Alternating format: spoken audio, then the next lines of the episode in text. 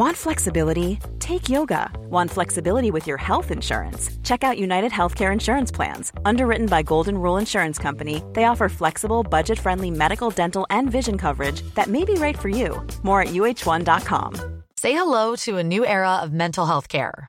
Cerebral is here to help you achieve your mental wellness goals with professional therapy and medication management support. 100% online. You'll experience the all new Cerebral Way, an innovative approach to mental wellness designed around you. You'll get a personalized treatment plan from a therapist, prescriber, or both in a safe and judgment free space. Your cerebral therapist or prescriber will outline a customized plan with clear milestones along the way so you can get to feeling your best. With Cerebral, you're not alone in your mental health journey. We're here to empower you to live a fulfilling life. So take that first step towards a brighter future and sign up today at cerebral.com slash podcast and use code ACasts to get 15% off your first month. Offer only valid on monthly plans. Other exclusions may apply. Offer ends July 31st, 2024. See site for details.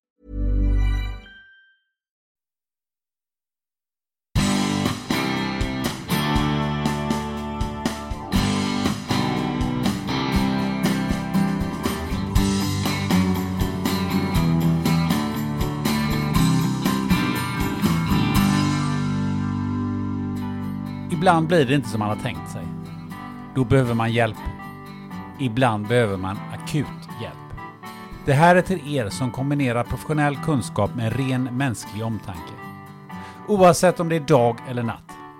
Som både hanterar traumatiska situationer och vanligt gnäll utan ett ont ord.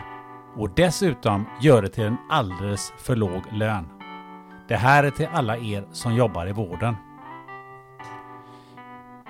Den 28 april var en klar och ganska kall dag. Jag stack ut på en kortare cykeltur och kom till en brant backe. Halvvägs upp tog luften helt slut i lungorna. Märkligt, tänkte jag. Visserligen har jag ganska dålig kondis efter min höftoperation. Men så här dålig? Hmm. Jag rullade hem och tänkte inte mer på det. Några dagar senare upprepade sig fenomenet. Luften tog bara slut. Jag kände min kropp och insåg att någonting måste vara fel. Tack vare min sjukförsäkring så kom jag snabbt till Kalanderska i Göteborg där jag fick snacka med en läkare och ta mängder med prover.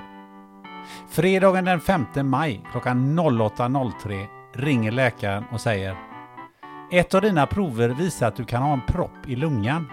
Kan du komma hit och göra en skiktröntgen? Jag åkte direkt, gjorde röntgen och en halvtimme senare kallade läkaren in mig. Lite blek i ansiktet förklarar hon. Du har flera proppar i dina lungor och måste åka till akuten direkt. Va? Här sitter jag hyfsat opåverkad och du säger att jag är akut sjuk. Det var omöjligt att ta in. Efter detta så startade en märklig resa där jag rent intellektuellt förstod att jag hade massivt antal proppar i lungorna. Men mentalt så var jag i chocktillstånd. Vad kan det här bero på? blev den naturliga frågan. Ja, det kan bero på allt från cancer till blodsjukdom och ibland kan man inte ta reda på orsaken, blev svaret från flera läkare. Behöver jag förklara vad som rörde sig i mitt huvud de närmaste dagarna? Under fyra dagar blev jag undersökt från topp till tå. Mängder av rör med blodprover, massor av frågor, ultraljud av hjärtat, syresättning, blodtryck, puls, gångtest med fysioterapeut, you, you name it. Utan att kunna bevisa det medicinskt så kom man fram till att den troliga orsaken är följdverkningar av en covid-infektion som jag troligen fick sex veckor tidigare. Ordinationen blev blodförtunnande medicin och kontroller framöver under det närmaste året. Min fru och mina barn har varit ett fantastiskt stöd de här dagarna. De betyder naturligtvis allt för mig.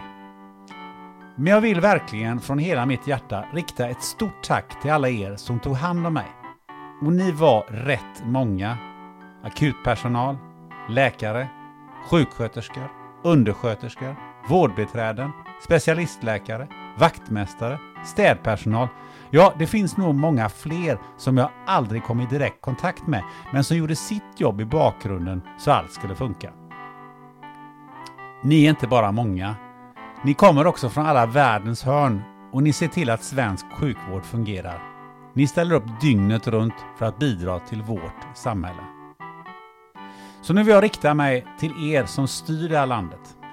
Ni som har ingått det så kallade Tidöavtalet med ett parti som vill kasta ut människor för att de enligt deras måttstock inte är tillräckligt svenska. Till er vill jag säga, det är väldigt svenskt att ta hand om varandra. Det är väldigt svenskt att vara hjälpsam. Det är väldigt svenskt att gå till sitt jobb och vara noggrann. Det är dessutom väldigt svenskt att göra allt detta till en halvbra lön. Men det är förbannat osvenskt att nedvärdera och kasta ut människor ur landet bara för att de inte lever och ser ut som barn i Bullerbyn. Utan alla dessa människor stannar inte bara vården, utan många andra samhällsfunktioner. Så jag säger bara, skärp er! I den här historien så har du också svaret till varför du fått vänta lite extra på det här avsnittet.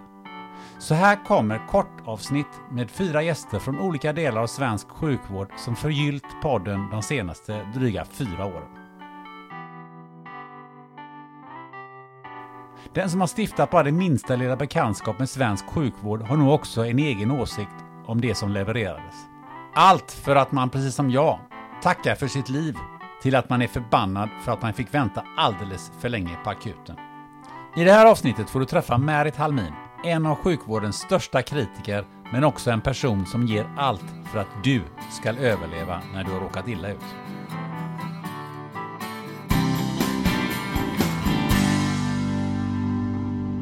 Kan du berätta om hur, hur, eh, hur ser ett vanligt pass ut på, på jobbet? Eh, nej men, alltså, ja, jag har världens roligaste jobb. Jag tycker, alltså nu pratar jag om jobbet i Sverige. Jag tycker verkligen att det är ett helt fantastiskt jobb som Eh, är, så mångfacetterat och har alla eh, alla ingredienser som man vill ha för att känna att man utvecklas på jobbet och känna att man gör någonting meningsfullt. Ehm, min dag på jobbet ser ut så att jag jobbar på en intensivvårdsavdelning, det vill säga med de som är absolut mest svårast sjuka, alltså livshotande sjuka oavsett orsak kan man säga. Det kan vara blodförgiftning, det kan vara ett hjärtstillestånd, det kan vara ja, jag kommer inte ens på, eh, överdos av någon farligt läkemedel i självmordssyfte. Det kan vara vad som helst. Men eh, man är så pass livshotande sjuk så att något eller flera av organen inte fungerar och man behöver organ eh, support. Jag hatar nu att jag pratar engelska, I'm sorry, men det är för att jag varit borta i två månader. Eh, organstödjande vård, så kan man säga. Eh, och organstödjande vård, det är ju om det är lungorna så är det respirator. Är det eh, funktionen hjärtat så är det massor med läkemedel som håller blodtrycket i schack, som stärker hjärtat. Eh, är det njurarna så är det dialys och så vidare. Eh, och då när jag kommer till jobbet så får jag först en rapport från de som har gått nattjour. Så vi får en aning om vad som har hänt under natten. Och sen börjar jag ronda mina patienter. Eh, och då brukar jag ofta ha kanske tre, fyra patienter som jag rondar ihop med sjuksköterskan som är ansvarig för respektive patient. Jag undersöker patienten, vi går igenom alla labbsvar, vi går igenom alla mediciner. Vi bestämmer vad vi ska göra under dagen och så vidare. Pratar med anhöriga, familj. Mm. Du har världens eh, bästa jobb, men du har ju ändå haft en hel del åsikter om ja, arbetsgivare. Det är därför jag ville säga, ja, nej, men jag har världens sämsta arbetsgivare. Och du har världens sämsta arbe ja. arbetsgivare. Ja, men för att eh, du eh, var ju med i Nyhetsmorgon morgon för fyra år sedan och då sa du följande. Okay. Eh, vården har gått från ohanterbart till ännu sämre. Mm. Och det är fyra år sedan. Eh, och då, då undrar jag, hur ser det ut nu då? Eh, nej men det kanske inte är sämre faktiskt, men det är ju inte ett dugg bättre heller. Men eh, jag menar, det uttalandet så kan det väl inte sjunka längre ner, så nu får jag väl liksom behärska mig i mina drama queen-uttalanden.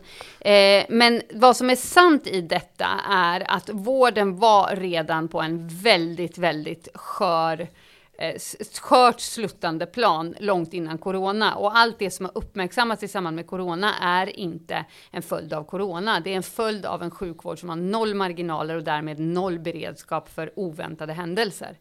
Eh, och jag måste bara få säga det, att hur dumt låter inte det att en akutsjukvård inte har beredskap för oväntade händelser? inte det hela akutsjukvårdens liksom, eh, grundtillstånd? Det är därför vi finns till. Vi vet inte när någon får en hjärtinfarkt, ett hjärtstopp, eller det sker en terrorattack, eller det kommer en pandemi. Det, det, går inte att planera, det går inte att kalkylera, det går inte att sköta som man sköter en Toyota-fabrik. Punkt. Eh, men det har man trott i jävligt många år och nu med corona så visar det sig att det var ju asdumt. Eh, och det hördes ju lite sådana röster även från politiskt håll, alltså från oväntat håll ska jag säga, under själva pandemin. Men nu har jag dem inte alls. Det är som att liksom den läxan lärdes under en dag och sen glömdes den bort. Men man kan ju undra då om, om man då 2018, då visste vi ingenting om pandemier Nej. överhuvudtaget, i alla fall inte i Sverige. Eh, och, och då ska, var man alltså på väg till ännu sämre eh, från ohanterbart. Men men hur såg det ut under den här perioden som vi hade covid? Det måste ju varit eh, fullständigt ohanterbart, eller hur, hur, hur, hur, hur överlevde alltså, det beror, på, eh, det beror på vad man menar. Alltså, du har resurser och sen har du mål vad du ska uppnå, eller hur? Och de ska ju vara matchade. Och vad jag vill hävda är att i svensk sjukvård så har vi haft mål och en självbild generellt i samhället om att vi har liksom top notch vård, ingen blir bortprioriterad, ingen behöver vänta, det finns tid för um, men, samtal. Men vem har den bilden?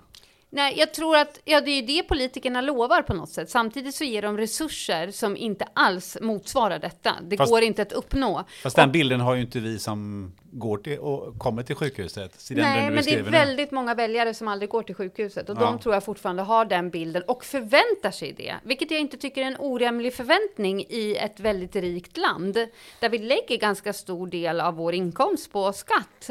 Eh, då tror man ju att man liksom kan förvänta sig detta.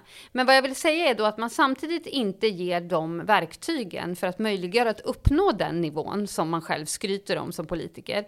Då blir det ett stort glapp och det glappet livet, den stressen, den, eh, vad ska jag säga, um, icke-förmågan att leva upp till målen, det är vi som bär den inom sjukvården. Det är ingen annan. Och det här provocerar ihjäl mig. Jag tycker att ansvaret ska ligga hos rätt personer.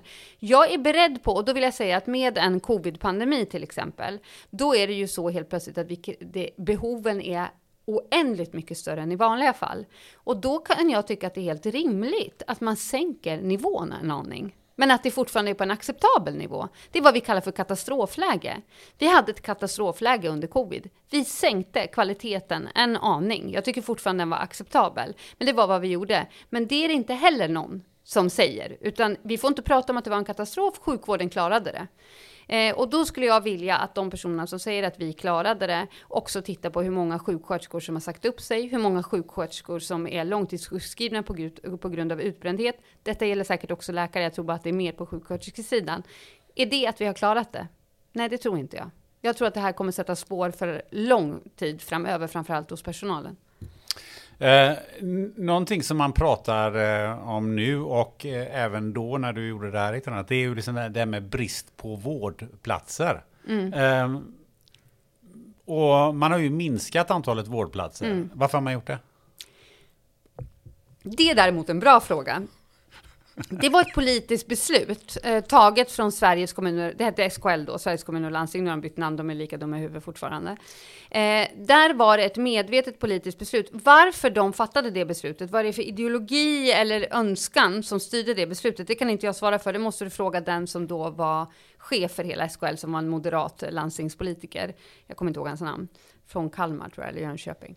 Han, eh, han gick ut och sa att vi har för mycket vårdplatser, det är så mycket som går att effektivisera, göra dagkirurgiskt och så vidare. Så utan att på något sätt mäta vad det finns för behov, eh, så bara skar man ner på vårdplatser. Det var första steget. Vad som då hände var att man skar ner för mycket, eftersom man inte hade matchat det här mot någon typ av analys av vad det fanns för behov.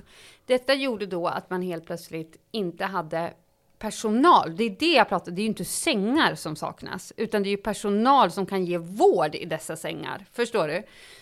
Eh, och då saknades det platser och personal. Eh, patienterna eh, läggs då in, fast i, de måste ju läggas in. De håller på att dö, de behöver sjukvård. De läggs in och en sjuksköterska som, som ska ansvara för fem patienter får ansvara för sju istället. Alltså detta skapade en enorm stress hos sjuksköterskor som då gjorde att väldigt många sjuksköterskor än idag lämnar yrket efter väldigt få år från examen. Det är en omsättning på sjuksköterskor som är helt orimlig och som alla borde bara liksom reagera på och tänka vad gör vi för fel? Istället så säger man att man ska utbilda fler sjuksköterskor. Det är ju inte där lösningen ligger. Eh, och då, när sjuksköterskorna lämnade och man inte kunde bemanna upp, då var man tvungen att stänga fler vårdplatser på grund av sjuksköterskebristen.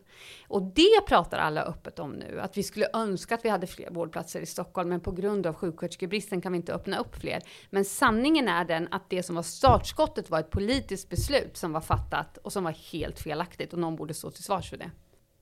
Du, du nämnde Stockholm förresten. Eh, alltså, som, som vanlig dödlig då så, så fattar inte jag då att eh, de har ju ett överskott på två miljarder. Mm -hmm. och, så, och så säger eh, Damberg att jag ska tillfoga, tillföra 500 miljoner till vården. Men hur kan man ha en kassvård eller en, en, alla de här problemen i Stockholm och sen har man en två miljarder i vinst? Men hur kan man överhuvudtaget någonsin gå med vinst när man bedriver sjukvård? Vinsten kan inte vara ekonomisk, vinsten måste vara i folkhälsa och i välstånd för befolkningen. Det är liksom någonting helt absurt. Du tvingar mig nu att prata i termer som man överhuvudtaget inte ska prata i när man pratar sjukvård. Jag producerar ingen vård.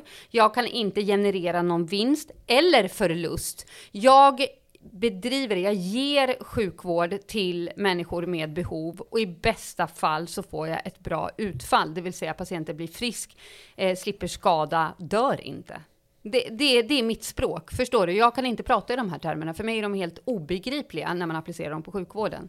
Men det blir ju eh, ännu mer obegripligt för mig som inte, som inte är i sjukvården. Men som kommer från Handels, ja. Ja, mm. exakt, precis. Mm. Nej, men alltså, men, men vinst med, man, man har två miljarder över. Mm.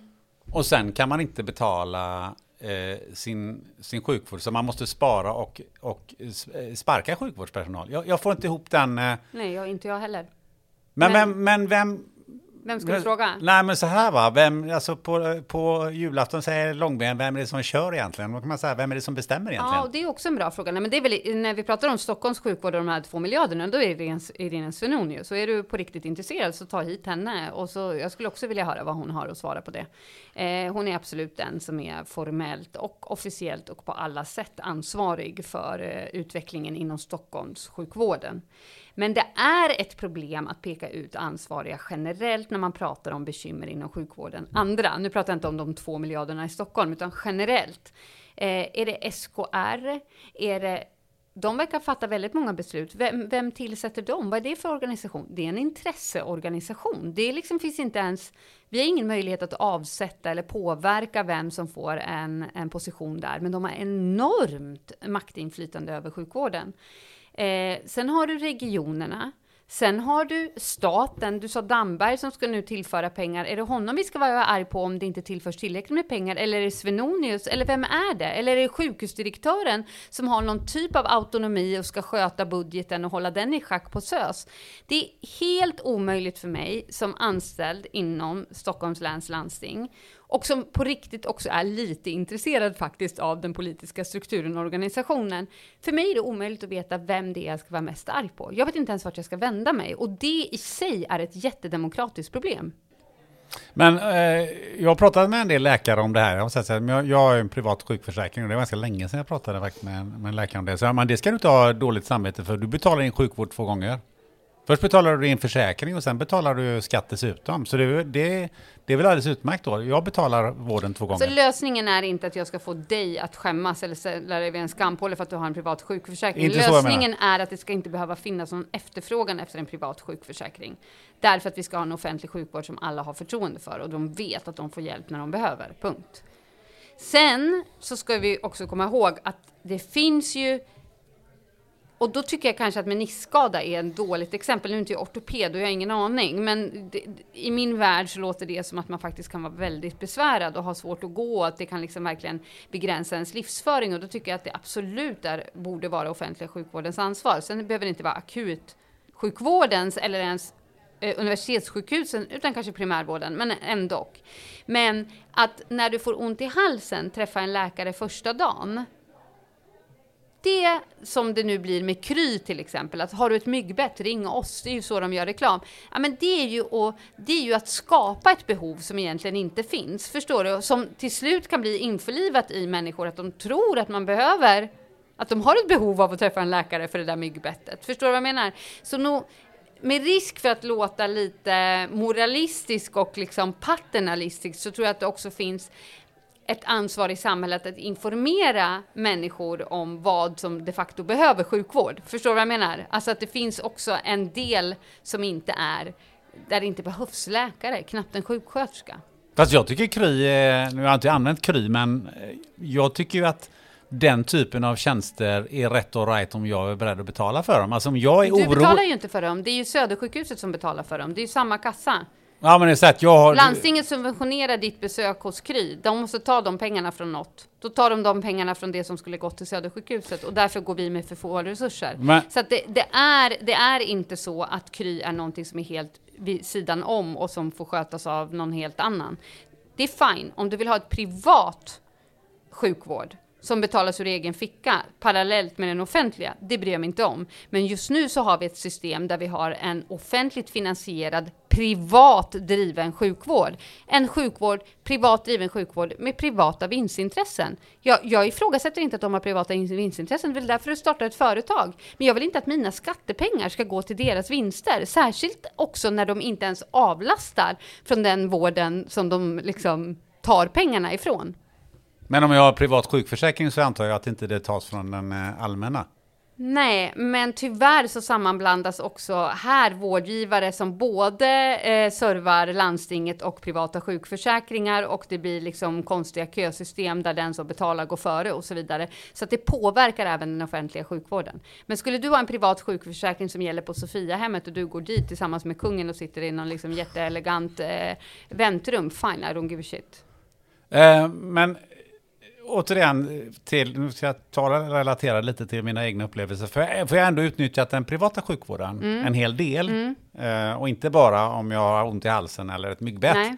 Utan eh, i, i eh, betydligt mer omfattande former. Och jag har alltid noterat att de har en, den är extremt väl organiserad. Mm. Och det, det, det funkar otroligt Ge mig bra. ett exempel på vad du har gått med till den privata Ja, sjukvården. eh, men säg att jag, har- att jag har haft ett, ett brock i buken. Mm. Alltså inte ett jättebrock, Nej. utan ett brock som kan skötas. Som är lite besvärande. Men är inte lite besvärande, utan det är liksom lämpligt att åtgärda. Det var ju definitivt så. Mm. Ja. Men det var inte... Brådskande. Jag, jag kunde klara, nej, det var inte brådskande och jag kunde klara det utan att bli sövd. Så. Och då, då är det liksom, ja, men du har operation, du, du kommer dit klockan 07.00 ska du vara där. Och, och, så, och så gick det allting gick bara på ett Mm. snöre och sen så klockan 09.30 så satt jag i taxin hem och jag bara tänkte gärna, vad var det som hände? Alltså det var ju helt otroligt. Därför att vad du precis har bevittnat är en organisation som har organiserat sig som en bilfabrik att producera bilar på löpande band, men de producerar ljumskbråcksoperationer på löpande band. De här personerna som bedriver just den här renodlade verksamheten behöver inte vara beredda på ett terrorattentat eller en covid-pandemi. Tvärtom, de fortsatte operera hej vilt i sina jävla ljumskbråck och hjälpte inte till alls i samband med pandemin. De behöver inte utbilda sjuksköterskor, vidareutbilda läkare, de har inga studenter. De har inte en akutmottagning där det helt plötsligt väller in liksom 15 personer som, inte vet jag, blivit klorförgiftade på Eriksdalsbadet. De har en verksamhet som går att planera, som går att effektivisera och som går att slimma. Kom ihåg också att de de opererar med ljumskbråck, det är sådana som du. Det är människor som har noll riskfaktorer, som är helt friska och som det inte behövs så himla mycket. Och kvar på de offentliga, sjuk- med våra pengar, skattepengar, har du blivit opererad sannolikt. Nej, det var ju min... sju- Okej, min privata sjukförsäkringar, men det finns ju även eh, privata aktörer som ger offentligt eh, sjukvård, alltså på samma sätt. Förstår du vad jag menar? Mm, men det här var det en privat okej, sjukförsäkring. fine. Eh, på Södersjukhuset, så de som blir kvar med ljumskbråck att operera på Södersjukhuset, det är de som är jättesvårt sjuka med massor med riskfaktorer eh, där de kommer att få komplikationer, behöva ligga kvar mycket längre, få sårinfektioner på grund av sin diabetes. Eh, du behöver en, två, tre narkosläkare som bedömer dem innan för att veta om de ens är sövbara och så vidare och så vidare. Det är klart att det är ett trögare rott system än det du har bevittnat. Det går liksom inte att jämföra. Men är det inte rätt gött för den, eh, för den offentliga sjukvården att bli av med sådana som mig? För då behöver de ju inte behandla de där som, som kan gå till de där sjukhusen, som betalar för det själva och så slipper, att, slipper du ta en kapacitet jag därifrån. Jag tror inte att den offentliga sjukvården behöver bli av med sådana som dig. Däremot tror jag att akutsjukvården och den planerade vården ska fortfarande vara båda inom offentlig regi, men separeras. Det tror jag skulle kunna effektivisera lite, ja. Vad sa du nu den den akuta och den elektiva, den planerade vården, som i ditt fall är, den skulle kunna separeras från den akuta. Vi behöver inte ha samma opsalar där vi liksom har ett planerat ljumskbråck och sen kommer en trafikolycka som behöver opereras. Förstår du vad jag menar? Alltså det är svårt att hantera akuta och eh, planerade flöden samtidigt. Det skulle man kunna separera, men fortfarande ha dem inom offentligt driven sjukvård.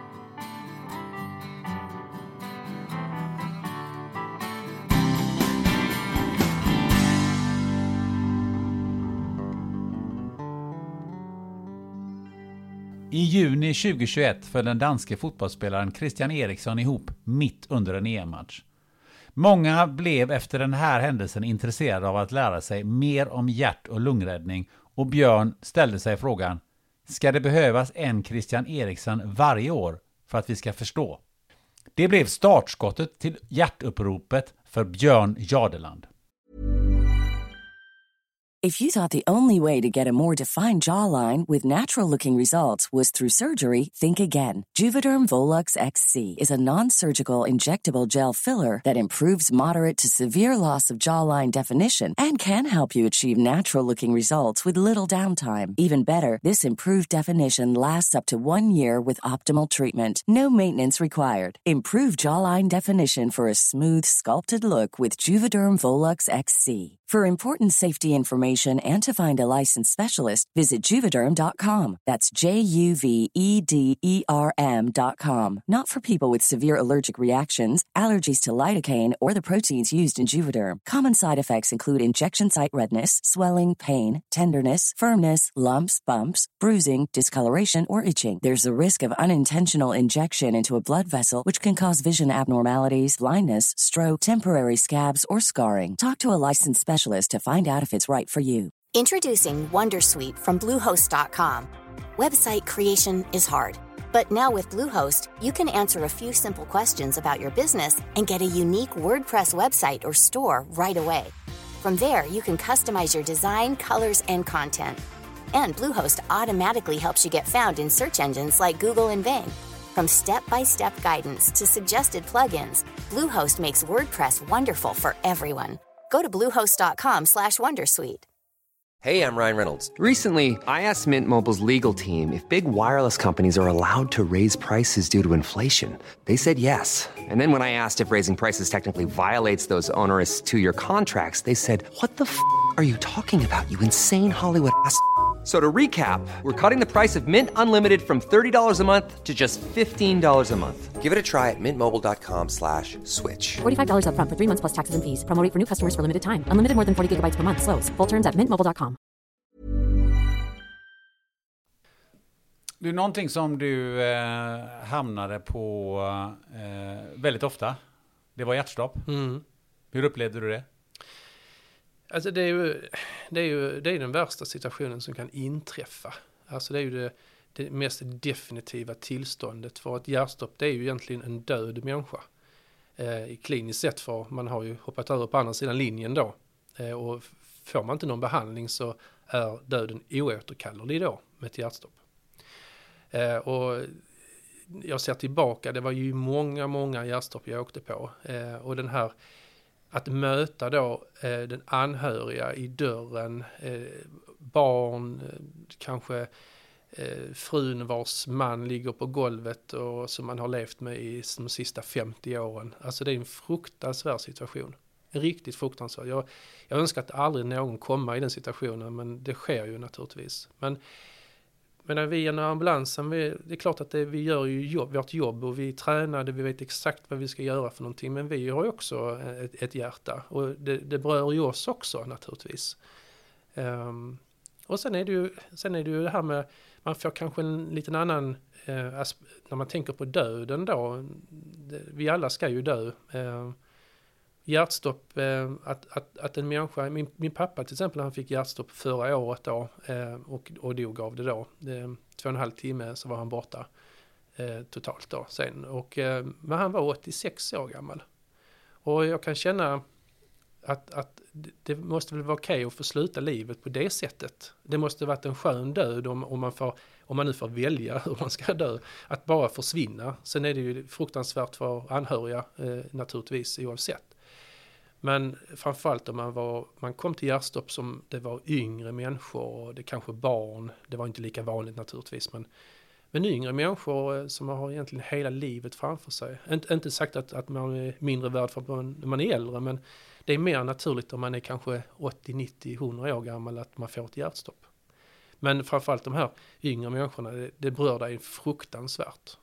Och jag kommer ihåg egentligen ett, ett, ett fall som, som berörde mig. Alltså det här är ju så många år sedan, men jag, jag, tänker tillbaka, jag kan se bilderna framför mig som det vore igår och kan känna hur jag kände, jag kan nästan lukta vad, vad jag luktade på den och det var, vi var larmade till ett hjärtstopp som var lika, han var lika gammal som mig.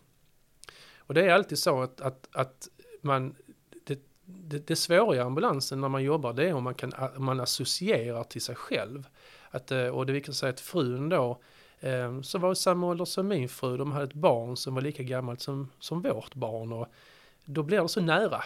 Ehm, och ehm, vi, eh, han hade fått ett, ett hjärtstopp och redan utlarmningen då på ambulansstationen man hör att, att en, en, en kille född 1971 med, med plötsligt hjärtstopp. Då, då, är, då känns det verkligen. Och eh, jag vet att vi fick igång hjärtat på honom. Eh, sen när vi bar ner eh, honom och skulle ta ut honom så, så står eh, frun med, med, barnet på famnen och, och barnet säger kommer pappa hem ikväll. Och den, den situationen, alltså jag, jag, alltså jag stor, storböla efter. Och det är än idag så kan det, är det jättejobbigt för mig egentligen att prata om det. Mm. Jag tänker tillbaka på det. Och, eh, och i detta fallet också så vet man inte riktigt vad resultatet blir för att man man, man, man har inte rätt som eh, vårdpersonal att gå in och läsa journaler som man har varit med om så man vet liksom inte hur det slutar. Vilket kan vara synd men det finns ju ett, en, en tanke bakom det naturligtvis. Men det visar sig att han överlevde. Eh, detta fick jag reda på många år senare. Men detta blev också startskottet för, för min, min tanke att, att han överlevde ju också naturligtvis på, på grund av att frun startade hjärt och lungräddning, observerade att det var ett hjärtstopp. Eh, och det var då jag kände att, att den, här, den här kunskapen som vi har inom sjukvården, den, den kan vi dela med oss av. Och, och få människor att, att lära sig och kanske klara de där minuterna innan vi kommer på plats med väldigt få enkla hjälpmedel. Att, att, att just när det gäller hjärtstopp att det handlar om hjärt-lungräddning och det var det som gjorde att jag började utbilda då i hjärt och lungräddning. Vi ska ju prata eh, naturligtvis en hel del om just den här hjärt och lungräddning och, och det som du är engagerad i. Men jag tänker just stanna lite där, eh, där du känner just den här känslan av att ja, men det här är någon som är min egen ålder som faktiskt eh, eh, håller på att dö. Hur, hur hanterar man en sån känsla efteråt? Ja, man hanterar ju alltid, alltså det finns ju väldigt bra, eh, det här händer ju hela tiden naturligtvis att man är med om tråkiga saker som man behöver bearbeta då psykiskt efteråt. Det, det behöver inte vara just att du i den här situationen, det kan vara någonting annat också. Eh, och där finns väldigt bra eh, hjälp som vi får eh, att gå igenom och bearbeta det vi har varit med om. Eftersom det sker så ofta. Eh, och din kollega är ju också ett otroligt stöd att man många gånger så räcker det att man pratar med varandra och, och går igenom lite grann hur gjorde vi, kunde vi gjort på ett annat sätt, eh, hur kände du, vad gjorde du? Och så kommer man vidare därifrån. Och ehm, det, det, gjorde jag också från det här fallet, men någonstans så började jag känna, och, och jag, jag har sagt det är kanske fel uttryck att säga att det är ett destruktivt arbete, men man har varit med om så mycket saker som ligger i ens eh, ryggsäck där som jag kommer ihåg så väl. Så har man hanterat det, ja det har man väl kanske gjort, men det finns där ändå. Sen behöver det inte vara att det är ont att man har den här erfarenheten av det, men, eller att det, att det är dumt, men, men ja, ja, ehm, vissa saker finns där eh, som jag kan se tillbaka till och det, det är kanske en, ett tiotal fall som jag aldrig i mitt liv kommer att glömma. Men det, ehm, man går vidare naturligtvis. Och det är ju alla som jobbar inom blåljusverksamhet blir ju utsatta för det här. Men när kan sådana här eh, tankar så att säga dyka upp? För det blir någon sorts flashbacks eller någonting åt det hållet, misstänker jag. Ja, Ja, det kan det komma upp, eh, ibland så kan det komma upp eh, i utbildningssituationerna jag har med, eftersom jag håller på mycket med hjärt och lungräddning och första hjälpen. Då kan man komma tillbaka till det, vissa, vissa saker. Där det är klart att det, med åren som går så blir det ju mindre och mindre minne av det. Men olika, det kan vara en plats jag kommer till som påminner mig om den platsen. Kan... Jag tänker på att lukter som du sa, det ja. måste ju, det är ju ett väldigt starkt minne har jag förstått att ja, man kom, det, luktminnet. Ja, ja och det det finns ju många, eh, många lukter som man har blivit utsatt i många olika eh, akuta situationer som man verkligen kan eh, komma ihåg. Och, som man inte ens vill gå in på helt enkelt. Men vad får man för relation till, till döden när man får se så mycket grejer? Ja, det, det, det är en intressant fråga för jag, den, för mig är det så här att jag, jag, eh, jag har sett så mycket död Eh, och så mycket positiva saker också naturligtvis. Men jag har fått ett, eh, ett förhållande till livet ehm, att all, aldrig vänta med saker, att, att göra, att förverkliga dina drömmar eh, och göra det där som, eh, för jag har varit med om så många människor som har sagt att eh, eh, de hade väntat, de har gått och jobbat hela livet, de går i pension och då ska de köpa det där huset i Thailand eh, som de har drömt om och så sitter de där en meter ifrån mig med en stroke och är halvsidigt förlamad. Och jag känner herregud alltså. Och jag vägrar eh, bli bitter den dagen det sker mig någonting eller något för att, att, att jag har väntat göra. Så jag, jag, jag lever inte som var där var den sista men, men jag, jag är rätt så duktig på att njuta faktiskt. Eh, och min, min familj också. Och jag har ju, jag åker mycket ner till Spanien och eh, det är mitt, min lilla oas i, i livet och det försöker jag göra så ofta jag bara kan. Så att jag, och jag brukar, jag brukar föreläsa och mässa med alla människor just om det här att vänta inte. Jag menar får du möjligheten du, du har, ta möjligheten. Vi, vi behöver inte göra allt när vi ska bli pensionärer. Utan lev, lev när man ska leva helt enkelt. Det, det, det, det är ganska så starkt för mig den, den biten. Som jag tror naturligtvis är helt kopplat till det, det jag har fått uppleva. Ja, ett bra budskap. Ja. Jag kan inte annat än att hålla med. Nej, men det gör väl alla, håller med om det. Men det handlar liksom just att, att många har drömmar. En del drömmar kanske vi aldrig ska, eh, vi ska kanske inte förverkliga alla drömmar, men en del ska vi nog försöka förverkliga och, och hitta på nya drömmar helt enkelt. Nej, men det är ju många som kan hålla med om det eh, som du och jag just eh, håller med varandra om. Ja. Men, men det är inte kanske lika många som faktiskt omsätter det i, i praktiken. Nej, det är där skillnaden är. Jag tror att alla människor har ju drömmar och alla vill det ena och det andra. Men, men just att omsätta det. Och sen, det är klart att det, det finns olika förutsättningar också för att omsätta sina drömmar. Eh, jag är lyckligt lottad och kan vara i Spanien nu om det är min, som var min dröm. Men det är kanske inte alla som har den möjligheten. Så att, men eh, drömmar behöver inte bara vara en jättedrömmar, det kan ju vara en deldrömmar också, eller delmål man har i livet. Nej, det finns ju ett vardagsliv ja, som på något sätt ja, ändå. Ja, och verkligen också för sina, sina barns skull att, att liksom unna dem och hjälpa dem så mycket som, som det bara går. Och inte vänta till den dagen jag dör ska de få ärva mig. det där köper jag inte alltså. Du kör konstant, konstant ja, arv så att säga? Ja, men det, jag, jag, jag vill egentligen, om jag får välja så ska jag dö urfattig. det, ska, det ska finnas pengar till min begravning och så, men därefter så, så då, har jag, då har jag levt ett bra liv. Ja, då har du kört ja. utdelning ja, fram till dess. Det, det, tror jag att många skulle kanske prova på att hjälpa sina barn lite mer. Ja.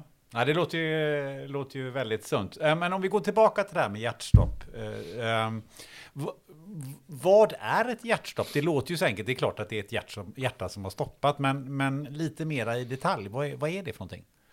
Det är egentligen så enkelt som du säger, hjärtat har ju stannat. Men man kan ju säga att hjärtat slår ju regelbundet hela tiden på så och vi behöver inte ens tänka på det, för det vore rätt jobbigt om vi skulle tänka på det. Eh, och eh, av olika anledningar då, eh, som vi också kan komma in på, så, så ehm, störs hjärtat ut kan man säga. Att hjärtat drabbas av det vi kallar för kammarflimmer. Så helt plötsligt så börjar hjärtat slå i väldigt i otakt så att det kan, klarar inte pumpa och, och, och dra sig samman och pumpa ut blod i kroppen. Och det här, ett hjärtstopp ser ju ut så att det är en människa som går och så bara rakt upp och ner kollapsar. Eh, och man såg som Christian Eriksen i, i fotbollen som många satt och såg att han, han, han stöp ju bara rakt fram helt enkelt. Och det är så ett hjärtstopp ser ut. Att man bara faller ihop. Och för att hjärtat det slutar pumpa eh, och vi får inte upp blod och syre i hjärnan och vi blir medvetslösa på en gång helt enkelt och faller ihop. Så och cirkulationen i kroppen då den upphör ju eh, till alla organ därför hjärtat inte drar sig samman längre. Um, och det tillståndet då Eh, för att få tillbaks hjärtat i normal rytm igen krävs en hjärtstartare. Och tillsammans med hjärt och lungräddningen som man gör så kan man få tillbaks människan i normal hjärtrytm igen. Men om vi stannar där lite. Um vad är orsaken till att man faktiskt får ett hjärtstopp? Och är det samma orsaker till alla hjärtstopp? Nej, det är det inte. Men man kan säga att om, om, om man tittar eh, eh, så här, unga människor som du och jag är, så är den vanligaste orsaken en hjärtinfarkt. Så det är absolut den vanligaste orsaken till ett hjärtstopp. Så man, man ska inte förväxla hjärtinfarkt och hjärtstopp. För det är två skilda saker, men det som kan orsaka ett hjärtstopp är en hjärtinfarkt. Men det kan ju vara andra saker också om man tänker sig yngre människor, eh, de får ju inte hjärtinfarkt när du är 20 år till exempel, det är ju jätteovanligt. Men det kan bero på drunkning, det kan bero på kvävning, eh, det kan bero på droger, det kan bero på eh, hjärtmuskelinflammation som vi ser en del eh, då vältränade idrottspersoner då som drabbas av. Det kan vara medfödda hjärtfel som man har haft utan att man känner till det. Så det finns lite olika anledningar då, men man kan säga att i vuxen ålder och, och, eller yngre medelåldern så är det hjärtinfarkten som är boven i det hela helt enkelt.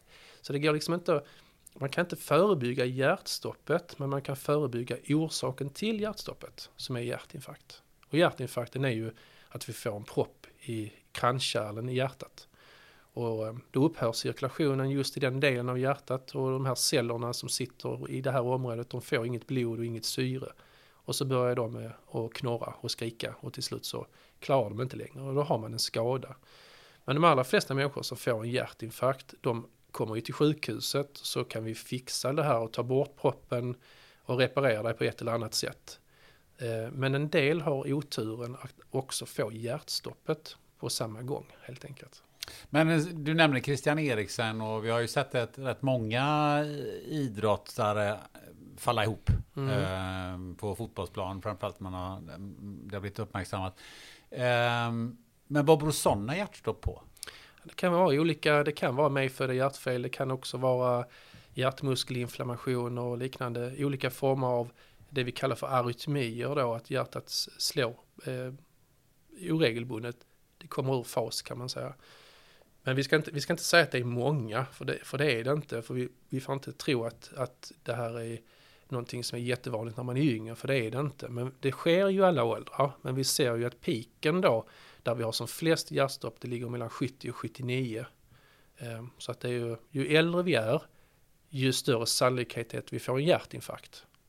Kan precis vem som helst drabbas av ett hjärtstopp? Ja. Även om du inte har något fel på hjärtat, inte har drunknat, inte eh, vad heter det, mm, ett, eh, har några droger eller no, någonting annat. Det, det, kan hända precis vem som helst. Ja, men det finns ju en orsak bakom hjärtstoppet alltid ju naturligtvis. Om det är det ena eller det andra. Så att det, men det kan ju ske när som helst och var som helst och hur som helst och med vem som helst. Kan det, är det skillnad mellan män och kvinnor? Uh, ja, uh, när det gäller hjärtinfarkten så uh, idag är det väl så om inte är helt felunderrättad att det är lika många män och kvinnor som får hjärtinfarkt. Eh, men att eh, kvinnorna får det lite senare i livet än, än männen då. Och det är också som vi säkert har hört att det är skillnad mellan män och kvinnors upplevelse av sin hjärtinfarkt, att symptomen kan variera lite grann. Det är det. Eh, och eh, där är också övervägande män med hjärtstopp. Det är det. Eh, Vi är klenare helt enkelt. Vi är lite klenare. Ja.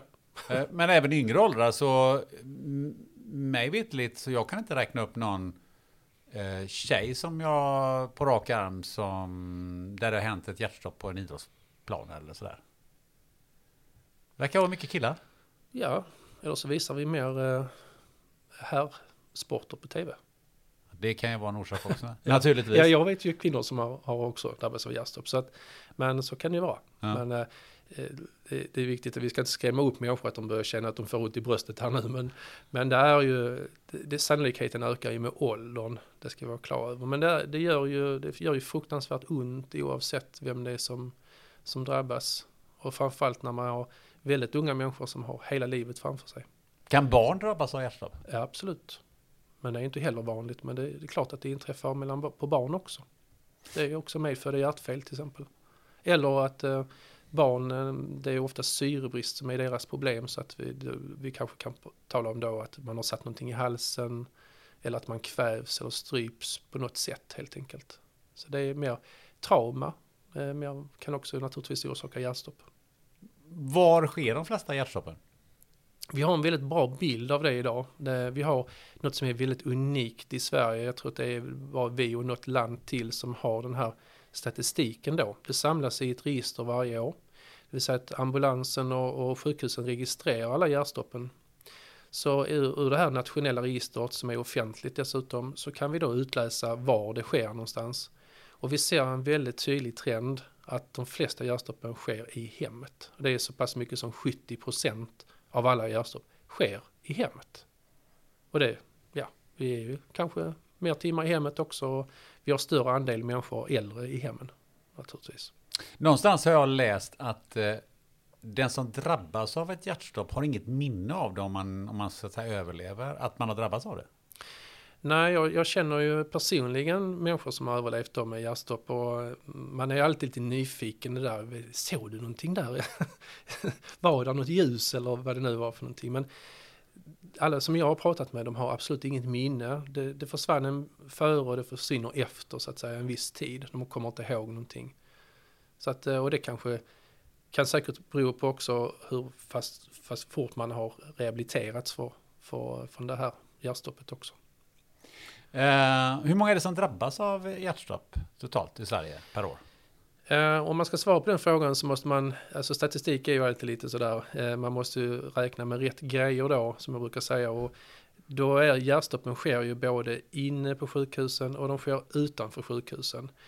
Så ehm, eh, det vi vet idag, det är ju att, att ungefär 6 000 människor eh, drabbas av hjärtstopp utanför sjukhus. Där man påbörjar någon form av återupplivning. Det vill säga att man gör en rimlig bedömning att den här människan kan återvända till livet om vi gör en insats av ambulansen, av räddningstjänsten, civilbefolkning och så vidare. Och av de 6000 människorna så är det 600 som överlever. Så det är alltså 10% som överlever. Men med det sagt så är det ju säkerligen så att det inträffar ju många fler hjärtstopp än 6000. För om vi lägger till alla där som vi aldrig startar hjärt och lungräddning på, det vill säga att det sker i sömnen, de hittas avlidna och så vidare. Så att eh, det är väl ett antal tusen till och så får vi lägga till ett antal tusen på sjukhusen också. Så det är många men jag tycker alltid när, det är, när man pratar statistik att man får vara rimlig där vilka människor Eh, framförallt det här vi, vi försöker nu med hjärtuppropet eh, få till den här eh, uppropet så handlar det ju om att de här 6000 människorna att vi ska få fler än de 600 att överleva. De andra är ju svåra att göra någonting åt för att eh, det, i grund och botten så måste ett hjärtstopp vara bevittnat. För om det inte är bevittnat då är ju döden 100% ju. Det är ju förutsättningen för att vi ska kunna överleva att någon ser att det sker. Var någonstans eh, har man störst chans att överleva ett hjärtstopp? I vilken situation eller vilken plats? Det där har jag aldrig tänkt på faktiskt. Nej, jag tänker bara så här, Nej, nu, alltså, såg jag mig man- själv man- i skogen med mountainbiken. Ja, ja, det- och så är jag vid, det- någonstans, det, det finns ju inte en chans att jag överlever om jag får det. nej, men alltså för att överleva så, så du måste ju, någon måste ju påbörja hjärt och lungräddning på dig. och du måste få den behandlingen i form av en hjärtstartare så tidigt som möjligt. Om nu den behandlingen kommer ifrån att det satt en hjärtstartare i närheten eller att ambulansen kommer med hjärtstartaren, det är ju naturligtvis en skillnad. Men eh, det är ju inte så, så eh, ute på landet, eh, långt ifrån, men det är inte så många människor som kan se det kanske att det inträffar, eller att du är i skogen eller liknande, då är det ju inte lika stor sannolikhet att du klarar det. Så är det ju. I storstadsområden borde det vara bättre, bättre situation naturligtvis, men vi ser ju att det, det sker överallt.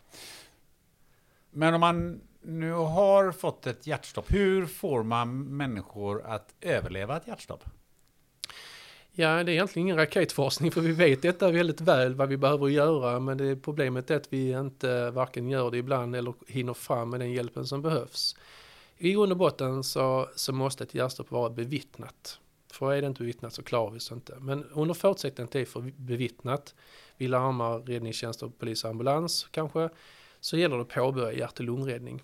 Och allting handlar om tiden. Så ju fortare vi påbörjar hjärt och lungräddning, ju fortare vi får en hjärtstartare på plats, desto större sannolikhet är att vi överlever. Vad, vad pratar vi om för tider? Ja, alltså det, allting är bättre än ingenting alls. Att vi, det är bättre att vi gör det än någonting än inte någonting alls. Men skulle vi titta på var vi har mest, alltså det optimala för överlevandet eh, rent vetenskapligt, så ser vi det att om vi startar hjärt och lungräddning inom 60 sekunder och om vi använder en hjärtstartare inom 180 sekunder. Det är ju inga tider vi pratar om. Nej, det är det inte. Vi måste vara snabba.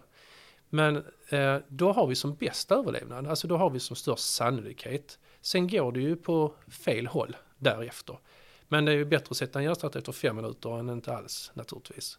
Men det är ju just detta som, som gör att jag tror att vi kan starta hjärt och lungräddning. Om vi, om vi lär alla människor hjärt och lungräddning så kan vi få människor att starta hjärt och lungräddning tämligen snabbt. Om vi lär framförallt att identifiera vem som har ett hjärtstopp. Att inte tveka att sätta igång med hjärt och lungräddning. Det kan vi göra, eh, skulle jag vilja påstå, inom 60 sekunder. Sen är den andra biten där med hjärtstartare eh, som vi har svårigheter idag så som vi har det. Ja, identifiera sa du? Ja.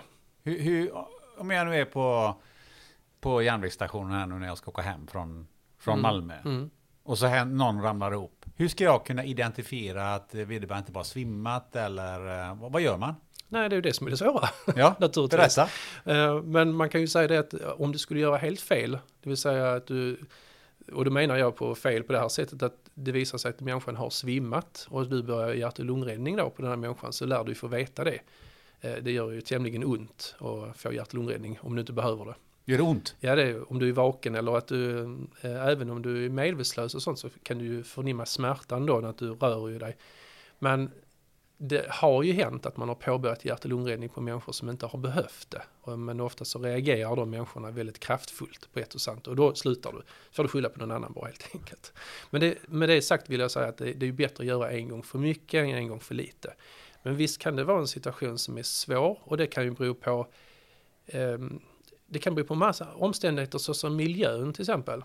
Eh, för att konstatera om någon har ett hjärtstopp idag, det är ju en människa som, som har kollapsat, som inte visar några livstecken. Och de livstecknen eh, efter att man då har larmat 112 så kontrollerar man ju om man får någon, får någon kontakt med den här människan. Att man tar tag i dem och ruskar dem eh, och försöker få någon form av eh, rörelse eller något liknande. Och får man inte det, då kontrollerar man andningen på en person. Eh, och då får man först också göra fria luftvägar, det vill säga att man böjer bak huvudet då. Eh, och därefter lyssnar, känner, man använder sina sinne.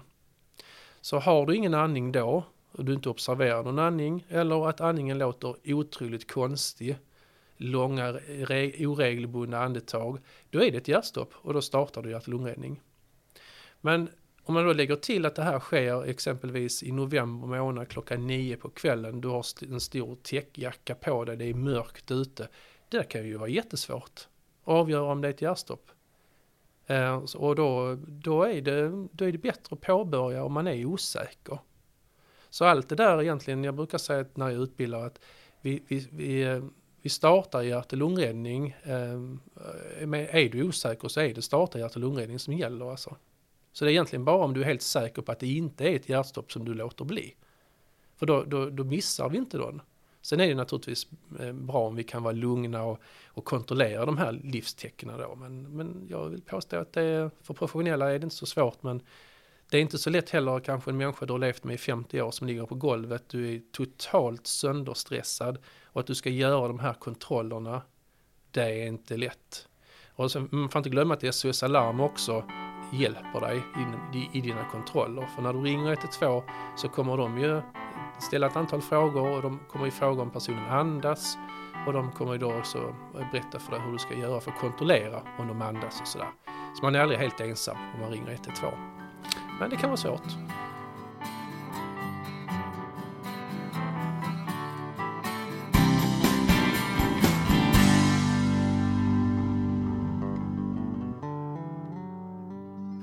Överdoser, hjärtstillestånd, misshandel, trafikolyckor, självmordsförsök, psykoser. Kai Knutsen tar med oss rakt in i sin verklighet på Sahlgrenska universitetssjukhuset i Göteborg, där han dagligen ser konsekvenserna av droger som säljs till främst ungdomar. Det finns argument för att staten inte ska lägga sig i vilka droger folk använder och att vår drogpolitik inte fungerar. Men är lösningen då att legalisera exempelvis cannabis? Jag rekommenderar att lyssna på det här samtalet och fundera en stund över vem som råkar illa ut om vi släpper knarket fritt. Sen på 90-talet så, så dök det upp en konstig drog som hette GHB. Som vi då inte visste vad det var. Ehm, och då, de fallen kom i slutet av 90-talet. De ramlade in på intensivvården för de var flesta var komatösa. Det var i övrigt friska, unga, stora, starka killar. Många sysslade med, med att bygga muskler. Eh, och några av de första fallen var väldigt dramatiska och eh, från början visste man inte att det var GHB. Vi visste inte vad det var. Och, då fick jag liksom frågan, vad är det här för konstig drog? Och eh, vi, vi, förstod det inte först men, men, ganska snart så kom vi fram till GHB. Eh, och eh, sen exploderade ju det i Göteborg, det här med GHB-missbruket och blev ett epicentrum kan man säga i Sverige för, för den drogen. Eh, och jag var tvungen att lära mig detta och kunde också passa på att göra en del forskning på det och, och skriva några artiklar om det som, som vi kunde sprida ut sen internationellt. Och på det viset så, så blev det då mer inriktat på det här med droger och drogförgiftningar. Och sen efter det så, så eh, har det ju fortsatt på det spåret att eh, vi har sett väldigt många nya konstiga droger och då har liksom alltid jag fått frågan vad är det detta för drog och försökt samla liksom kunskap kring, kring de här substanserna. Om, eh, vad de har för effekter och förverkningar och hur vi ska kunna hantera det och försöka få de här drogerna klassificerade som narkotika när de inte har varit det för att kunna på något sätt eh, stoppa bruket och försäljningen och missbruket och förhoppningsvis skadeverkningarna också. Ja, och energidryckerna är ett, ett särskilt kapitel och Det, det, är ju, det innehåller ju koffein och socker och taurin i huvudsak och sen en hel del andra vitaminer och sånt där. Då. Och det, det säljs ju med ett jäkligt smart koncept då som handlar mycket om en, en modern livsstil där man är liksom eh, Eh, tuff och cool och på hugget och alert och vaken. Eh, och, och, vad koffein gör och, och taurin är ju att man blir tillfälligt lite alertare och lite piggare och lite uppåt då. Eh, men, men jag vill också förmedla att det finns liksom baksidor av det, speciellt om man, om man tar för mycket. Och det finns synergistiska effekter rent farmakologiskt mellan taurin och koffein. Att man kan Eh, triggar hjärtat då till att få oregelbunden hjärtverksamhet. Så det, det, har ju hänt att folk som har druckit för mycket får då oregelbunden hjärtverksamhet. Och det finns ett antal dödsfall runt om i, i, i världen som man tror kan vara triggat av, av eh, energidrycker. Även om det är väldigt få fall om du räknar till hur enormt många energidrycker som konsumeras. Eh, men man vet ju då alltså att Ja, du blir lite pigg och uppåt och lite skärpt men du presterar inte bättre fysiskt. Eh, och mentalt kan man kortvarigt förbättra sina resultat men samtidigt är det så här att det leder ju till en speedad tillvaro där du liksom ska gå omkring i ett hyperaktivt tillstånd eh, eh över hela dygnet i stort sett och det kan leda till sömnsvårigheter, det kan leda till dåliga kostvanor och det kan leda till att blodsockret åker upp och ner. Eh, och sådana här saker som sammantaget gör att jag väl egentligen tycker att det är ganska så omotiverat att dricka energidrycker överhuvudtaget. Eh, det är farligt kanske lite grann i alla fall att dricka det regelbundet ofta och det är definitivt inget som jag tycker är bra för ungdomar. Eh, för ungdomarna så, så är det det här med att det kan leda till liksom att de jämt och ständigt är speedade, de får dåliga kostvanor, de får sömnsvårigheter och det kan ju i sin tur då leda till liksom att man får eh, svårare med, med eh, eh sömnen och man blir rastlös och ofokuserad och, och, och, på det viset så kan det ge problem.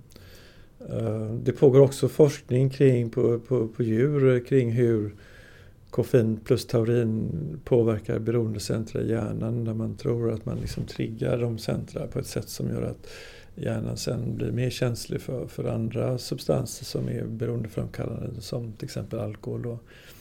Eh, plus att, att energidrycker konsumeras ju också mycket ihop med alkohol och, och, då vet man det att när man blir lite pigg uppåt av de här energidryckerna så känner man inte alkoholens sömngivande effekter på samma sätt så att man dricker mer. Eh, man får ett kraftigare rus, man blir oftare berusad, de som då dricker energidrycker.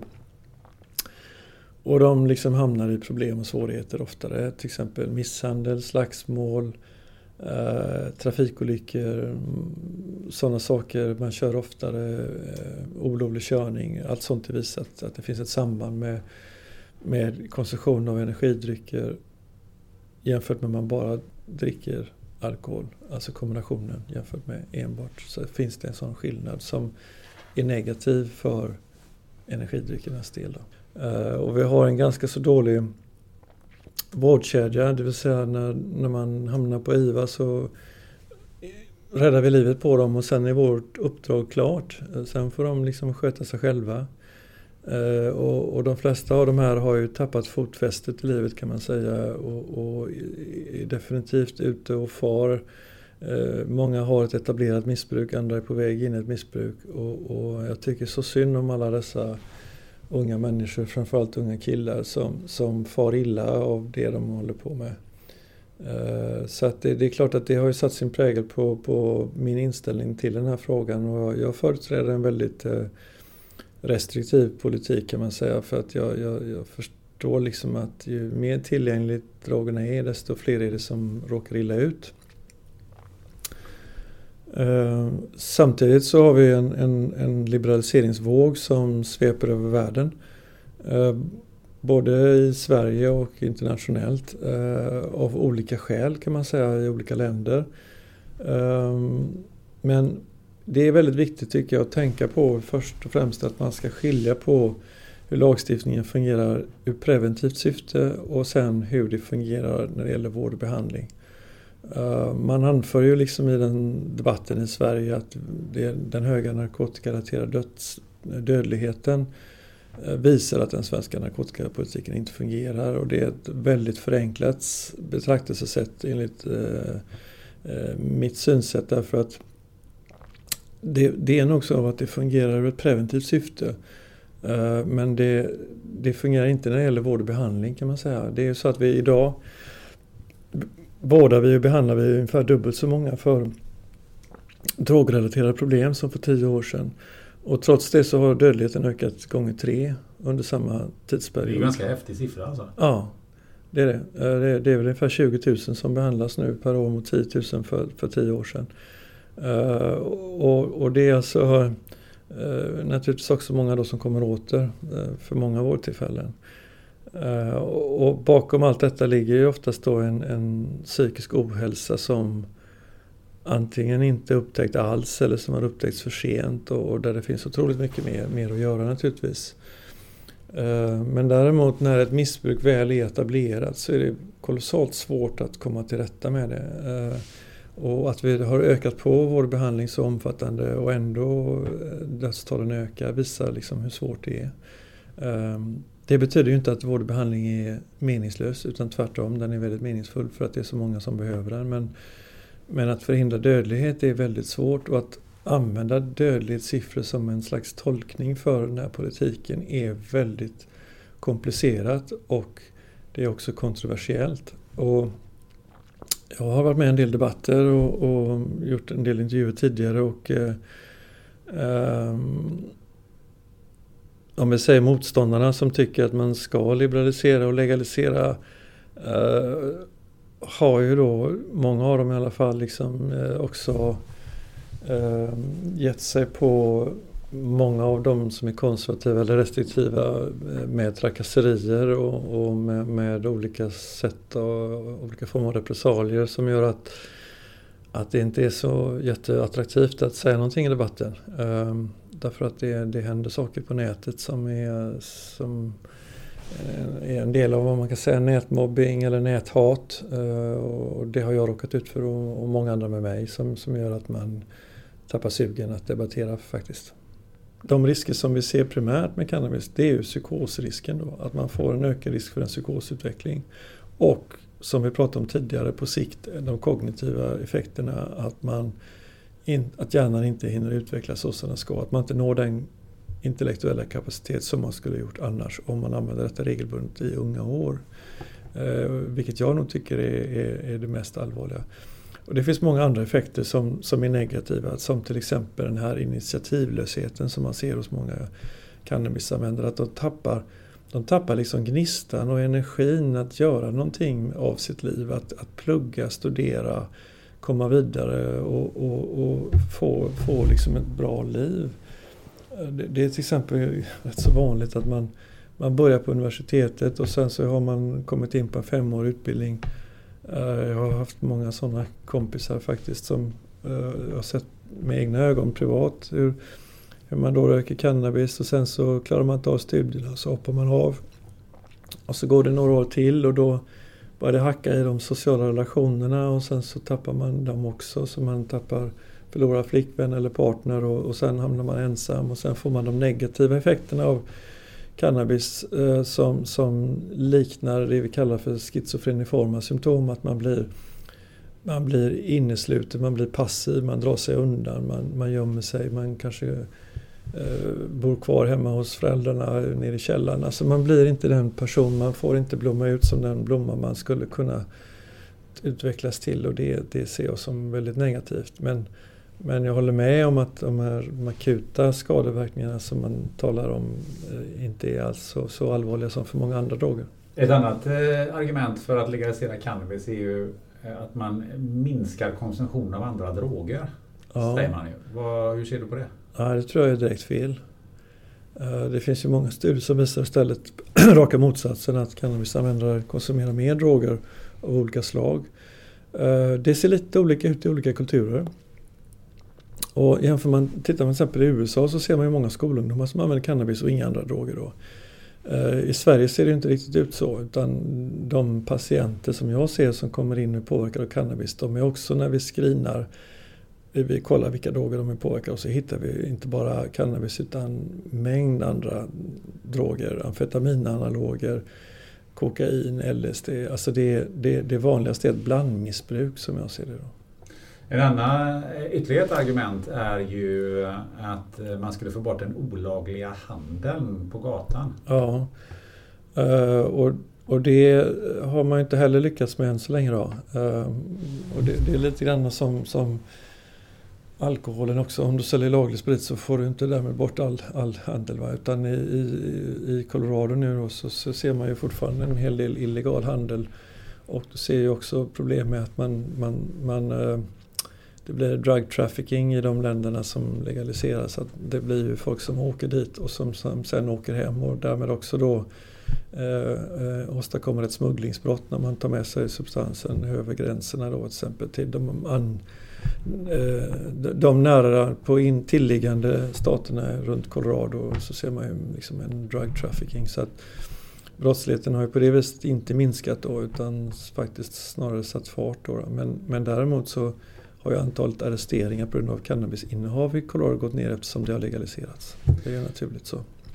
Men om vi skulle ha, släppa cannabis eh, fritt i Sverige och mm. ha ett, ett system så som Systembolaget, det vill säga att man har en statlig kontrollerad ja. cannabishandel.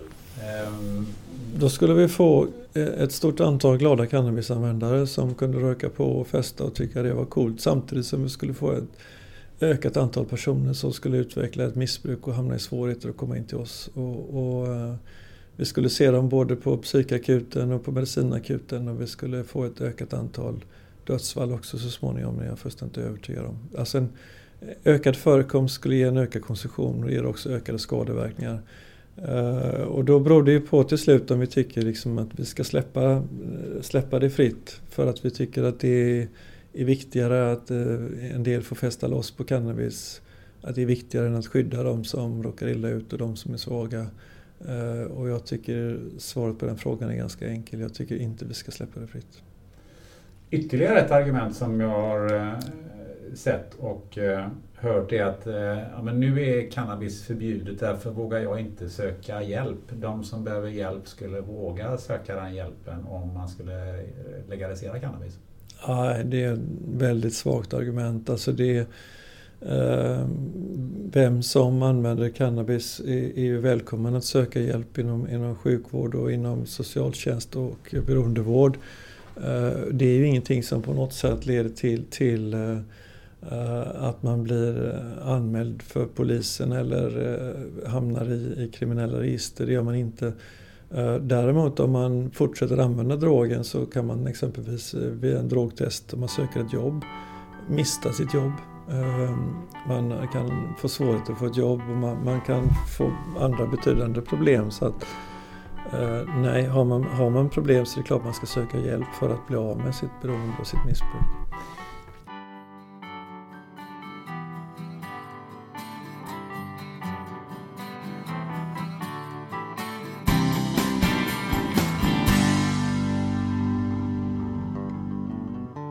Vill du leva frisk och länge, så då får du nog tänka till. Det är du som har ansvaret för din hälsa och inte sjukvården. Det här citatet kommer från poddens mest populära gäst, Peter Martin. Han är en av Sveriges få läkare i funktionsmedicin och köerna till hans mottagning är enorma. Många har skickats runt inom vården utan att någon läkare hittat de bakomliggande orsakerna till deras kroniska tillstånd. Det enda de har fått är ett antal piller att knapra på. Ingen har funderat på att det är sockret, kolhydraterna och livsstilen som till stor del är orsaken till problemen. Det här avsnittet kommer garanterat att få dig att fundera på hur du lever ditt liv. Eh, I och med att DNA-analyser kom och så, då hittade man att i cancerceller, cancersvulster så fanns det eh, mutationer, det vill säga man har liksom celler som har fått eh, förändrat DNA. Och i en och samma cancer eh, så kan det finnas många, många olika former av mutationer. Och då har man tänkt att oh, det är DNA som är skadat och då får man cancer. Och så kan det absolut vara, man kan skada DNA och så kan man få cancer. Men vad Thomas Seyfried och många andra menar är att cancer som metabol sjukdom, det, är inte, det börjar inte med DNA-skadan, det börjar med att mitokondrierna bryts, bryts ner, liksom, de kan inte riktigt leverera energi till cellen. Och då går det snett i cellen och man kan få mutationer och annat. Så det är det metabola man måste komma åt, att man matar cellerna på rätt sätt.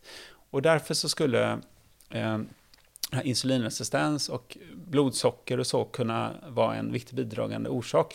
Det är kanske inte så att du äter godiset och så får du cancer, men när du väl har kommit dit också, då matar du cancer med socker så därför så pågår det nu studier där man drar ner socker och kolhydrater och äter mycket, mycket mer fett istället för att hålla kroppen med energi. Och då får du ketoner som bildas i kroppen som en energikälla. Och de eh, kan inte cancern leva på så bra, men dina vanliga celler kan det, eh, speciellt när de får tränas lite på det. Så det är en sak. Det andra är när du behandlar cancer med cellgifter.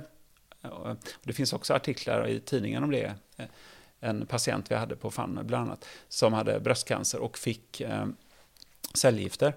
Då instruerade jag henne enligt den senaste forskningen då, att ät eh, lågkolhydratkost innan ketogenkost och sen fastar du innan cellgifterna ett helt dygn. Ibland fastar man två dygn innan och även under cellgiftsbehandlingen. Då stänger man ner mycket av kroppens normala eh, celler så att de liksom går på sparlåga. Så när det kommer in ett cellgift så har det inte lika stor effekt på de cellerna men cancern kan inte stänga ner sin eh, metabolism, så den bara suger i sig cellgiftet och då har man kanske till och med en större effekt på cancern. Då. Det här är ju fortfarande en studie som pågår, så det är inte så att det, och det funkar kanske inte på alla cancerformer, men på många av dem. Så det är väldigt spännande. Så det, den patienten berättar, och även andra patienter om man lyssnar på poddar och sånt, är att eh, ketogen kost, det vill säga strikt lågkolhydratkost, och sen fasta i samband med cellgiftsbehandlingar kan göra att du får mycket mindre biverkningar. Alltså läkarna, cancerläkarna känner inte igen det här för att de fattar inte vad som händer. Va? Du, du verkar ju inte påverkas av cellgifterna. Jag, jag brukar, en sak jag brukar säga till mina patienter är, ja, men om du sitter still, då tror kroppen att, du är, att det torkar på savannen, då, då är det liksom bara överlevnad. Då är det nog att stänga ner många system, inklusive immunförsvaret, för du sitter bara still ändå. Liksom. Men om du rör på dig, då måste du ha igång immunförsvaret för att läka från sår och du kanske skär dig på saker, du, eh, ja, du är liksom igång. Då, då är, kroppen funkar ju alltid så, use it or, or lose it. Det är bara en jättebra grundregel. Du behöver inte ha någon forskning för att räkna fram. Liksom. Så det där är en grej. Om man inte rör på sig så kommer ju immunförsvaret antagligen att sätta sig mer i, i vila. Så det är ett sätt att prata med sitt immunförsvar. eh, sen, sen vet man om man springer maraton så får du sämre immunförsvar. Eh, eh veckan efteråt har du mycket större risk att bli förkyld och, och få lung, luftvägsinfektioner och sånt. Så det är ju med måtta förstås. Eh, det andra sättet du kan påverka på det är ju eh, mag-tarmhälsa. Tänk på att, vad är immunförsvar? Ja, 60-70% sitter ju runt mag-tarmkanalen för det är, ytan är som en badmintonplan största ytan mot omvärlden. Du stoppar i dig 30 ton mat i munnen som påverkar det här. Eh, och där sitter ju immunförsvaret och ska skydda dig mot allt det du stoppar i dig. Du stoppar ju inte i dig liksom steril mat. Det är ju fullt med bakterier och alla möjliga grejer som kommer ner där. Och proteiner och gifter och sånt. Så det är klart att det, där sitter immunförsvaret. Så det är självklart att det du stoppar i dig i munnen kan påverka ditt immunförsvar. Och det ser ju vi också när vi vi kan ha folk som till exempel har väldigt svår pollenallergi. Eh, då överreagerar ju immunförsvaret. Och så fixar vi magen på dem, så har de ingen pollenallergi överhuvudtaget. Det är standard när man jobbar med funktionsmedicin, mer eller mindre, att eh, pollenallergin försvinner. Det trodde jag inte för, för sju, åtta år sedan, men så är det. Eh, så det hänger ihop, liksom, hur du äter, hur din mag-tarmhälsa funkar. Och sen har du det här med näringsbrister. Det finns ju näringsämnen som är det, det är godkända hälsopåståenden. Du får lov att skriva det på burken att vitamin A bidrar till ett normalt immunförsvar. Zink, D-vitamin, flera B-vitaminer likadant. Eh, selen likadant. Så att om man då har brister på de här och vi som mäter 38 av 46 essentiella näringsämnen på alla våra patienter, vi ser att alla har ju näringsämnen eh, som de har brist på någonstans. Även de som kommer till oss upp, och tycker att de är friska. Till exempel selenbrist är ganska vanligt. Äter du vegetariskt så är zinkbrist jättevanligt. För zink finns mycket i, i rött kött och i skaldjur och fisk och så. Och de här, de här sakerna är ju någonting som man, man kan få i kosten. Men eh, jag kan ju säga att jag eh, hystar ut sånt här till mina släktingar vitt och brett och kompisar och så nu med de tar en kapsel med zink och en med D-vitamin och de tar extra selen nu, även äldre människor som jag känner, för att eh, minska risken att ha, ha ett eh, brister som kan leda till ett obalanserat immunförsvar. Och då är det två bitar där. Det ena är, du vill ha ett starkt immunförsvar först, som kan skydda dig mot, när, så du inte får virusinfektioner, till exempel då, covid. Och sen är ju det här med covid att efter en sju dagar ungefär så kan du liksom gå in i ett annat läge. Det då du kan få sån här cytokinstorm som det har stått mycket om i tidningarna. Så det är en cytokinstorm. Det är alltså signalämnen i immunförsvaret som bara går bärsärk och skickar ut alldeles för mycket eh, signaler. Och då kan du få en väldigt, väldigt kraftig inflammatorisk reaktion i kroppen som är liksom helt överdimensionerad. Och då blir du sådär eh, jättesjuk och får jättesvåra lungproblem. Och den, det, det, där krävs också näringsämnen, att du har det för att hålla det i balans så du inte får den här cytokinstormen. Så alla de här näringsbristerna påverkar också jättemycket. Men eh, stress, påverkar det också immunförsvaret?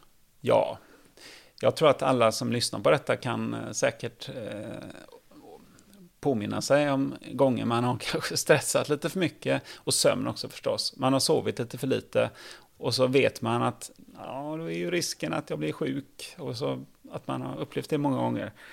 Eh, så det är absolut. Och sen finns ju det här med att bara äta en, en hel påse godis med massor med socker. För mig i alla fall har det varit många gånger där jag har känt att jag har fått ont i halsen dag, dagen efter. Ehm, och det är kanske bara jag, men jag, nej, jag har hört andra som har sagt det också. Men eh, det finns faktiskt forskning också på hur hög dos socker kan trycka ner vita blodkroppar så de inte är lika aktiva eh, kommande timmarna. Så du menar som att godis kan liksom bryta ner eh, immunförsvaret eller åtminstone hålla det tillbaka? Ja, det finns viss forskning kring det. Låter ju helt sensationellt. Nå, no, är det så konstigt egentligen? Jag, jag vet inte. No, men alltså, men man, man, man tänker relation till eh, hur, när man ser eh, godisavdelningen på eh, ICA en, en, ja. en lördag eftermiddag. ja, jo. Nej, det är, svensk, svensk lösgodis är ju ett fascinerande fenomen.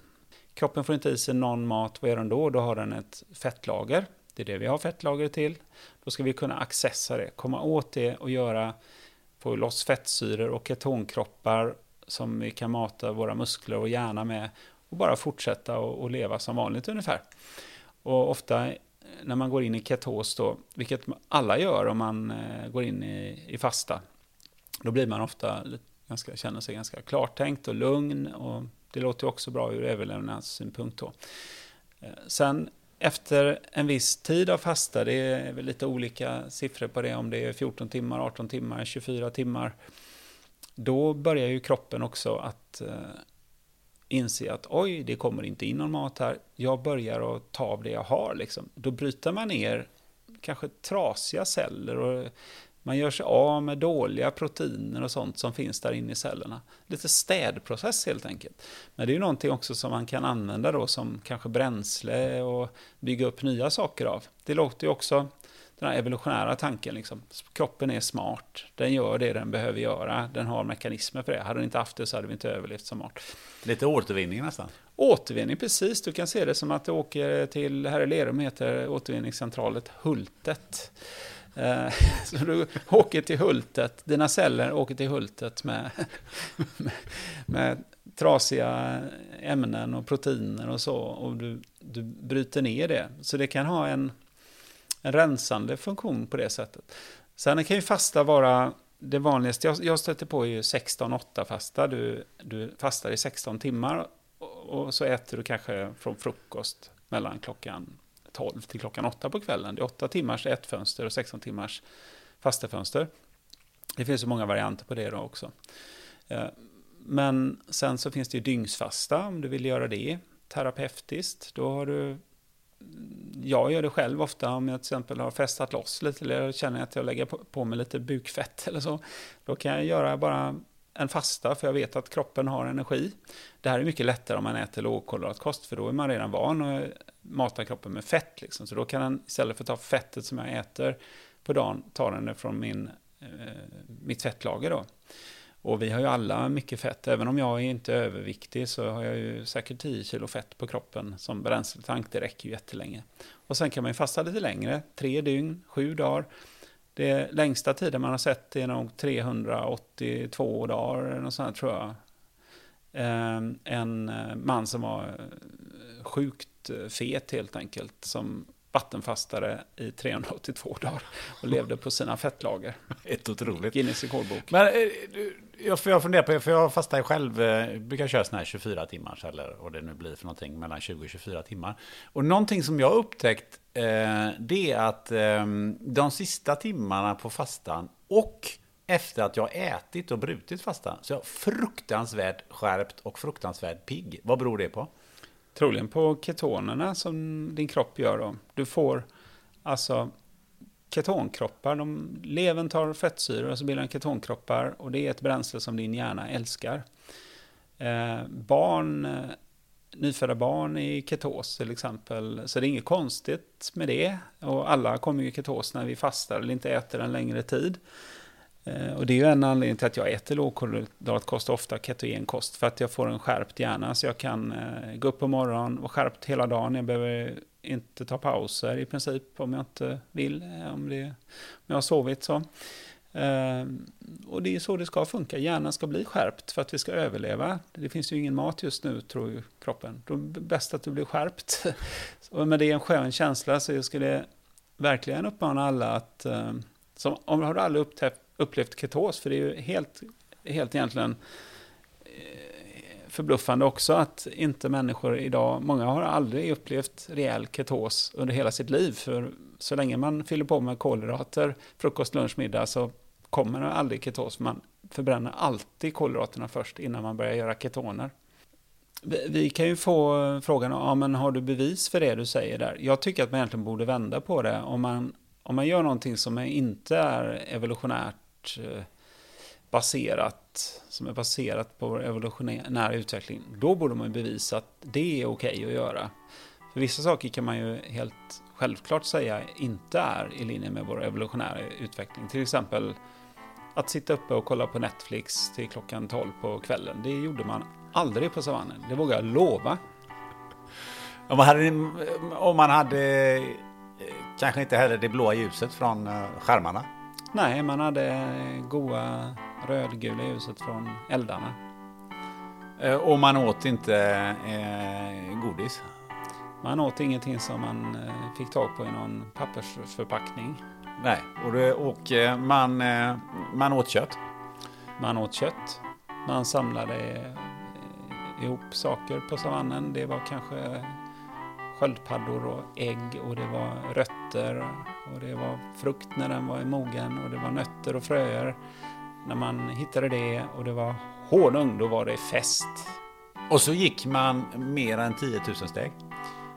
Helt säkert. Annars så fick man nog inte ihop det man behövde för en dag.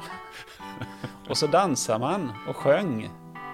Det, det, tycker jag låter som en, en, en, bra avslutning på det här. Man dansade och sjöng. Så att eh, det finns rätt många saker man kan göra eh, för att eh, hålla sig frisk i de här dagarna. Som alla funderar på hur man ska skydda sig, om man ska hålla avstånd och så vidare. Men det finns rätt mycket man kan göra själv med sin egen eh, kropp. Efter mina omtumlade dagar i vården kändes det här 151 avsnittet extra viktigt för mig. Hoppas det gett dig något att reflektera över. Du kanske redan har lyssnat på någon av avsnitten tidigare, men nu kanske du ser samtalen i ett annat ljus. Vill du lyssna till hela avsnitten så hittar du dem förstås på Spotify och alla andra poddplattformar. Och givetvis på poddens webbsida spannandemotorn.se. Det är inte helt klart vem som kommer i nästa avsnitt. Kanske blir det David Björnelo från Frihamnsdagarna eller kanske blir det Claes Friberg, före detta chef på Säpo. Vi får se. Klart är i alla fall att du sätter dig med en vän, du tar något gott att dricka och funderar på när du åkte på en propp senast. Ha det gött!